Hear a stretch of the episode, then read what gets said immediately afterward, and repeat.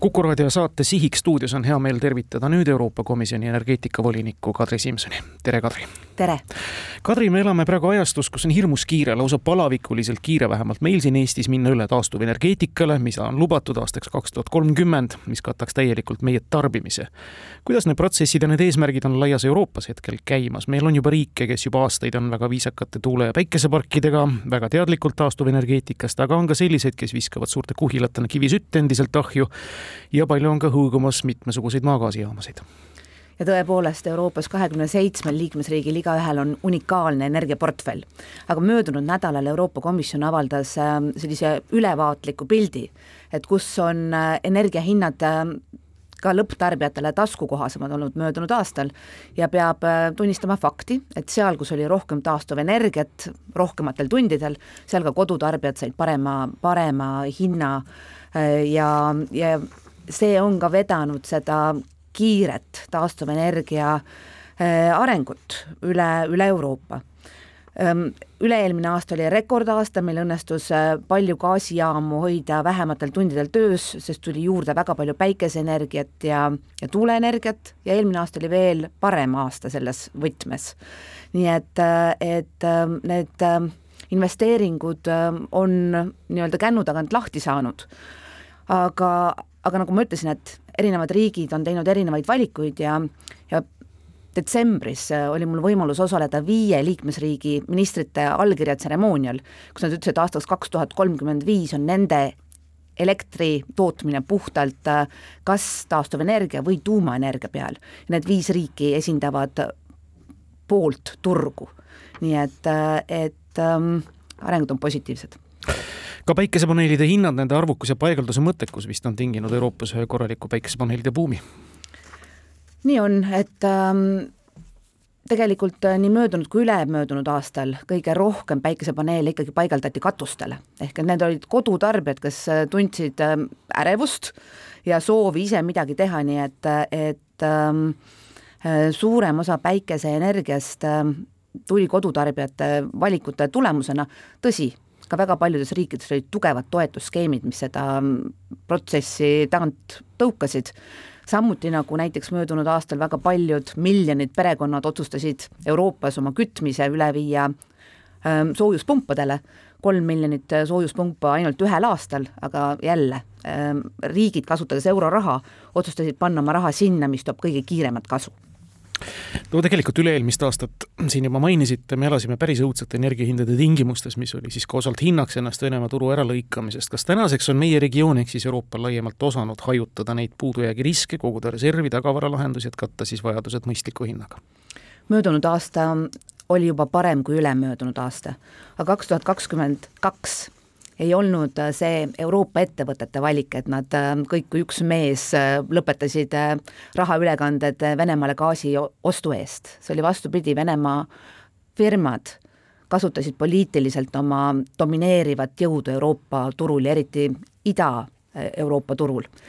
ja ka Saksamaal ja nad noppisid mäletatavasti üks riik teise järel, kellele nad enam gaasi ei andnud. nii et kui me täna oleme tagasi sügis kaks tuhat kakskümmend üks hinna juures, siis see on kümme korda madalam hind, kui äh, meie tarbijad pidid maksma suvel, kakskümmend kaks, sellel esimesel sõjasuvel. ja,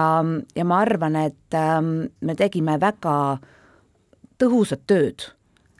ka energiaministritega, samm-sammult äh, tõmmates maha gaasitarbimist, mis aitas turgu tasakaalu viia ja leides äh, siis need tarnijad, kes asendasid Vene gaasi. nii et tõepoolest, nüüd on hind kümme korda madalam, kui ta oli sellel, sellel väga rängal aastal uh,. mida me saame öelda, me saame öelda, et meil pole enam Venemaa gaasi vaja um,, sest um, ainuüksi tuule- ja päikesevõimsused meie elektriturul on võimaldanud meil viimasel kahel aastal kokku hoida sada üks miljardit kuupmeetrit maagaasi ja Venemaa aastane maht ennem sõda oli sada viiskümmend viis. nii et ähm, asendades elektri tootmises maagaasi, soojustades kodusid ja vähendades sellega maagaasi kasutamist lihtsalt majade kütmiseks ja leides, äh, leides Norra ja, ja Ameerika firmade näol piisavalt lisa, lisamahte on, on täiesti võimalik öelda, et isegi kui me praegu veel saame natukene läbi Ukraina trassi või meie mõned ettevõtted saavad läbi Ukraina trassi maagaasi, siis kui see selle aasta lõpus läbi saab, sest et Ukraina minister ja ka isegi valitsusjuht on selgelt öelnud, et nad ei asu venelastega transiidilepingut äh, läbi rääkima ja pikendama, siis me oleme valmis, me ei pea neilt paluma, et olge nüüd mõistlikud ja andke meile ikka veel ähm, kolmteist miljardit kuupmeetrit, meil on plaan olemas, kuidas me saame ilma, ilma Venemaale makseid tegemata oma energiaturu äh, tasakaalus hoida Ukrainast kõneldes, sõjas olev riik on ju sõna otseses mõttes sütel, eriti just haavatavatel talvekuudel, teil on pidevalt olnud kontakt ju Ukraina energiaministri Galušenkoga. Neil on ju mitu asja selles sõjas ajada, nagu meilgi, eks ole, elektrivõrgu desünkroniseerimine, omaenda elektrisoojavõrgu töös hoidmine ja kaitsmine, sest et venelane ründab esimese hooga ju seda, et tsiviilelanikkonnale nii-öelda liiga teha. kuidas Euroopa Liit nendes tegevustes kaasa aidata saab? me oleme olnud lihtsalt väga selged oma sõnumis, et äh, kui äh, Vene rünnakud sügisel kakskümmend kaks hakkasid eh, sihtmärgina mm, tabama just nimelt eh, elektrijaamu, alajaamu, ka keskküttejaamu, et me teeme kõik, et eh, kui seal midagi on taastada, siis need materjalid, mis taastamiseks vaja on,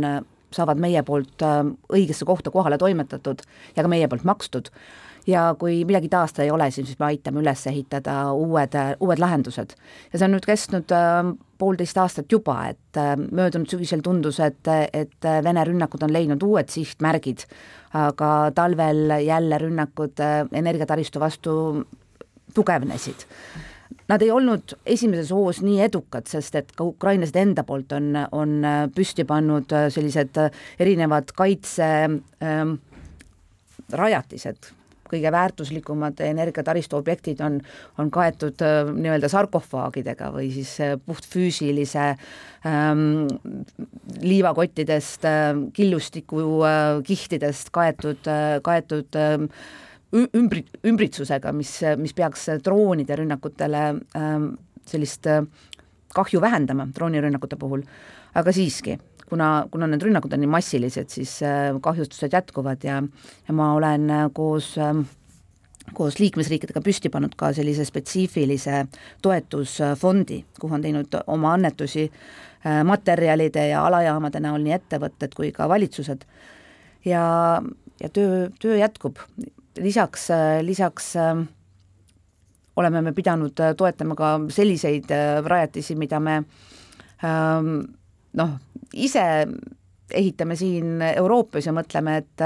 et võib-olla ukrainlased investeeriks äh, tuuleparkidesse peale sõda, aga ei, nad ei oota sõja lõppu, nad juba ehitavad tuuleparke ja ma ütleksin, et kliimakonverentsil detsembris üks kõige positiivsemaid üritusi minu jaoks oligi koos taanlastega äh, uuele kolmesaja megavatisele tuulepargile nii-öelda virtuaalse nurgakivi panemine, mis on ainult sada äh, kilomeetrit rindejoonest, nii et tulevikku suunatud investeeringuid teevad nad oma maal ka kuidas muide desünkroniseerimiskava praegu Baltikumil edeneb Venemaalt, ma tean, et nüüd tähtaeg on toodud ka ettepoole. Ma arvan, et äh, kolm baltlast said äh, väga palju julgustust sellest, kuidas Ukraina ja Moldova suutsid oma elektrivõrgu sõja esimestel nädalatel äh, Kesk-Euroopaga sünkroniseerida. et äh, normaalsetes oludes võtab see aastaid, aga erakorralistes oludes ka eurooplaste äh, süsteemioperaatorite väga tugeva koostöö mõjul tehti see nädalatega, see töö ära. ja see tegelikult aitab ukrainlastel kogu aeg äh, vähendada neid tunde, kui neil on energiakatkestus, elektrikatkestused. nüüd äh, detsembris kolme Balti riigi ministri ja poolakatega komisjoni poolt äh, kirjutasin ma alla siis kokkuleppele, et äh, sünkroniseerimine toimub juba veebruaris kaks tuhat kakskümmend viis, ehk aasta pärast on see toimunud.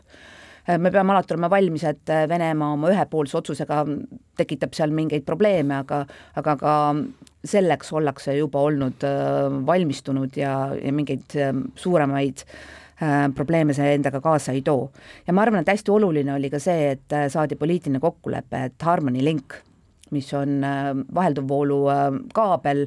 ähm, sünkroniseerimise õnnestumiseks äh, oluline osis, ähm, toodi siis merekaabli proje-, projektina algselt plaanitud merekaabli asemel maismaale, mis annab võimaluse seda kiiremini valmis ehitada. ja, ja seetõttu see poolakatega saavutatud kokkulepe, ma arvan, on selle projekti õnnestumisel ka väga oluline ähm, samm edasi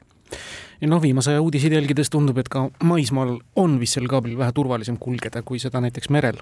meil on siiamaani teadmata kadrimise asjaoludel Balticconnectori gaasitoru ja sidekaablid Läänemeres lõhuti, Estlink kaks on teadmata asjaoludel rivist väljas, on teil Euroopa Komisjoni kõrgema ametnikuna kahtlused veidi rohkem teada? mis on nende asjade taga ja mis põhiline, kuidas elutähtsaid taristuobjekte veelgi paremini kaitsta?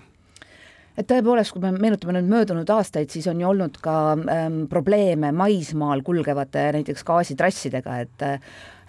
mis on äh, maismaakoridoris äh, lihtsam, on see, et äh, parandustööd võtavad märkimisväärselt vähem aega ja seesama taristu tuleb, tuleb ähm, käiku ja turule tagasi kiiremini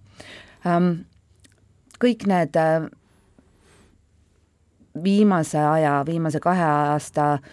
suuremad probleemid äh, gaasitorudega, nii, nii meil Eesti ja Soome ühenduses kui ka Nord Streami puhul ähm,. Neid kohapealseid uurimisi viivad läbi liikmesriigid, nad loomulikult informeerivad meid ähm,. mida komisjon omalt poolt on teinud, sest et äh, meie Vahemeri ja meie Põhjameri ja Balti meri, need on ju risti-rästi energiataristut ja ka sidekaableid täis. et me oleme kokku pannud äh, sellise ähm, eraldi töörühma koos äh, meie NATO partneritega ähm,. ja loomulikult on seal kaasatud ka liikmesriigid, kes teevad pidevat monitooringut, aga miks just äh, NATO-ga oluline on, see on seetõttu, et äh, et tänaseks on saanud Norrast Euroopa Liidu suurim äh, gaasitarnija ja Norrast tuleb ka väga palju väga soodsat elektrienergiat meile, nii et äh, ka need ühendused ähm, on väärt, et, et nad käigust välja ei läheks. Ähm,, siis, siis see pidev selline monitoorimine ja valve ähm, mere, merevalve ja jälgimine, kas, kas keegi kipub imelikku kohta ähm, teaduslaevaga ankrusse jääma, on, on ähm, väga palju tõhusam, kui ta võib-olla kaks aastat tagasi oli ja te selgelt valisite sõnu andmaks aimu, et tegemist ei ole nii avaliku projektiga midagi, millest saaks avalikult rääkida. hea Kadri, see, kui oluline on hoida reserve, eriti energiareserve, on muidugi lapselegi selge talupeotarkus, aga kui nende reservide hoidmine hoidjale maksab ja ta soovib selle eest saada tagatist ja abi, aga reeglid ei luba, mis siis teha? ja viitan mõistagi Eesti Energia ja Enefit Poweri küsimusele, kes peavad hoidma Narvas katlaid töös, et tagada tuhat megavatti võimsust rasketeks aegadeks aga see ei ole Eestis mitte midagi harukordset, et äh, samasugune olukord on äh, väga paljudes teistes Euroopa Liidu liikmesriikides. ja kui me nüüd energiakriisi äh, tipphetkel avasime uuesti ka elektrituru disaini, siis liikmesriikide nõudmisel avasime me ka uuesti sellise süsteemi, mis annab võimaluse neile elektrijaamadele, kelle toodang enamusel aastast või enamus ajast ähm, ühes kuus turule ei pääse, sest ta on liiga kallis. aga on ometi ähm, kulla hinnaga näiteks kolmekümnel tunnil äh, nädalas. et selliseid võimsusi koos siis riigi abiga ikkagi alles hoitaks. ja see on võimsusmehhanism ähm,, kui ma peaksin lähiregioonist nimetama mõnda riiki, kes sellisel viisil mõndasid söejaamu ähm, ikkagi oma tagataskus alles hoiab, teades, et äh, et kui nad sellel olulisel tunnil, kui päike, tuul ja naabrid ei, ei saa aidata äh,, peavad appi tulema, on Poola. ja, ja ma arvan, et ega siin äh, lähimal kümnendil Eesti jaoks ka kõige kõige lihtsam ongi hoida mõned äh, Narva põlevkivijaamad käigus nendeks tundideks, kui ähm, tarbimine on kas nii suur, sest ilm on näiteks väga külm, et, äh, et muud, äh, muud tuule- ja päiksejaamad ja koostootmisjaamad seda turgu ära ei kata nii et mingit pahandust siit ei tule, et riigiabi ja, ja Euroopa Komisjonilt tuleb seda riigiabi luba oodata, ma ei tea, aastaid kaks? Viimane kriis on meid õpetanud, et riigiabilubasid antakse väga kiiresti, et võib-olla minevikus tõepoolest komisjoni ametnikud võtsid endale selle vajaliku aja ja rääkisid äh, pikalt läbi, aga praegusel hetkel oleme me andnud riigiabilubasid väga kiiresti, näiteks andsime just ähm, Saksamaale miljardite ulatuses riigiabiluba ehitada uusi gaasijaamu, mis viivad siis turult välja viimased söejaamad. nii et ähm, see on ähm, seaduses, Euroopa regulatsioonis kirja pandud kontseptsioon, et et lahendada probleem, et, et täna meie energiaportfelliga ikkagi on turul selliseid tunde, kus, kus mõned jaamad ähm, on, on lahenduseks, aga kui nad peaksid enda aastakulud tagasi teenima vaid selle mõne tunni eest, siis oleks see tarbijatele määramatult kallim kui see, et, et neile aastaringselt antakse teatavat ellujäämistoetust Kadri, kui lubate, räägime ka poliitikast. esmalt sellest, mida suur suvi Euroopas ette tuua võib, lisaks Euroopa Parlamendi valimistel vaata et pool Euroopa Liitu valib endale kas täitevvõimu parlamenti. Ehm, kuidas Euroopa Komisjon, aga ka parlament näiteks neil päevil siis tegelikult juba kolm kuud enne valimisi töötab, tegelikult on ju valimiskampaania sisuliselt alanud kindlasti on, sest et valimised on kuues kuni üheksas äh, juuni ja, ja ma arvan, et me näeme ka omaenda ähm, meediaruumi pealt, et, et mõned äh, tõsiseltvõetavad Euroopa Parlamendi tulevased äh, kandidaadid juba tegutsevad ähm,. ja sellele vaatamata parlamendil on vaja veel mitu olulist ähm, sellist ähm, istungit pidada, ka minul on mõned energiapaketi seaduseel, eelnõud veel parlamendis hääletamisel, no näiteks äh, gaasi- ja vesinikupakett, mis annab mulle võimaluse koos liikmesriikide ministritega kinni panna äh, Venemaa veeldatud maagaasi LNG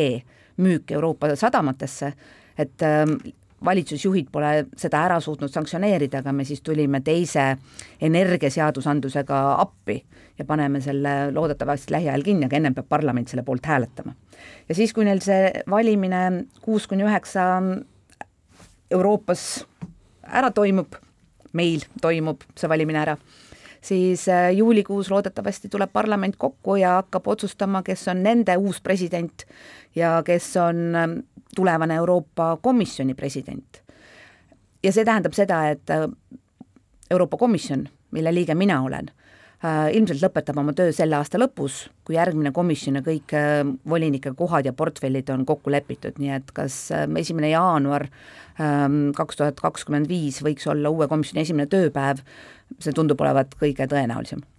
no Brüssel kihab ja kajab kõikvõimalikke kuulujutte, teate ilmselt paremini. ja poliitika kipub olema see koht, kus neid ka võimendatakse, teinekord meelega sisse lekitatakse. kuidas tundub, kuidas see jõujoonte jaotus pärast neid valimisi võiks kujuneda? Euroopa Rahvaparteil on ammugi võitu juba õnnestunud, Ursula von der Leyenile on juba komisjoni presidendi kroon pähe taaskord pandud ja nõndaviisi edasi, kas see võib nii minna? ja kui kõneldakse ka äärmuste nii-öelda suuremast esindatusest parlamendis, roheliste ja liberaalide kaotusest, kas see võib nii minna, ma küsin niipidi ma arvan, et väga tähtis on, et Euroopa Parlamendis suudavad enamuse moodustada Euroopa-meelsed jõud.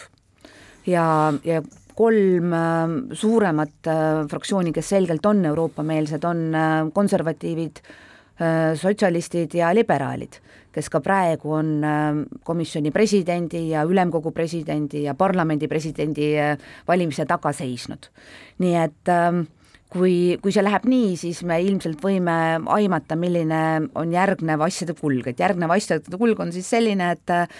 nädal peale jaanipäeva tulevad Brüsselis kokku äh, valitsusjuhid, veedavad seal äh, mõned tunnid ja võib-olla ka ühe öö ja lepivad need tipp-positsioonid kokku ja nii juhtus see ka viis aastat tagasi, et äh, ruumi mindi ühtede kandidaatidega, aga välja tuldi teistega ja, ja nii mõnigi, kes toona peaministrina kohta läbi rääkis, näiteks Belgia peaminister Michel, rääkis iseendale väga hea koha välja. nii et, äh, et äh, seal ei ole seda valehäbi, et olles ruumis ei või sa endale küsida tipp-positsiooni, et vastupidi, ilmselt selles ilma ametnike kohalolemiseta väikses ruumis ähm,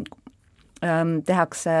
tehakse suuri otsuseid, ma siiralt loodan, et Ursula von der Leyen saab teise mandaadi, sest tema on olnud nüüd küll see tipp-poliitik, kes ütleb, et me ei väsi Ukrainat aidates.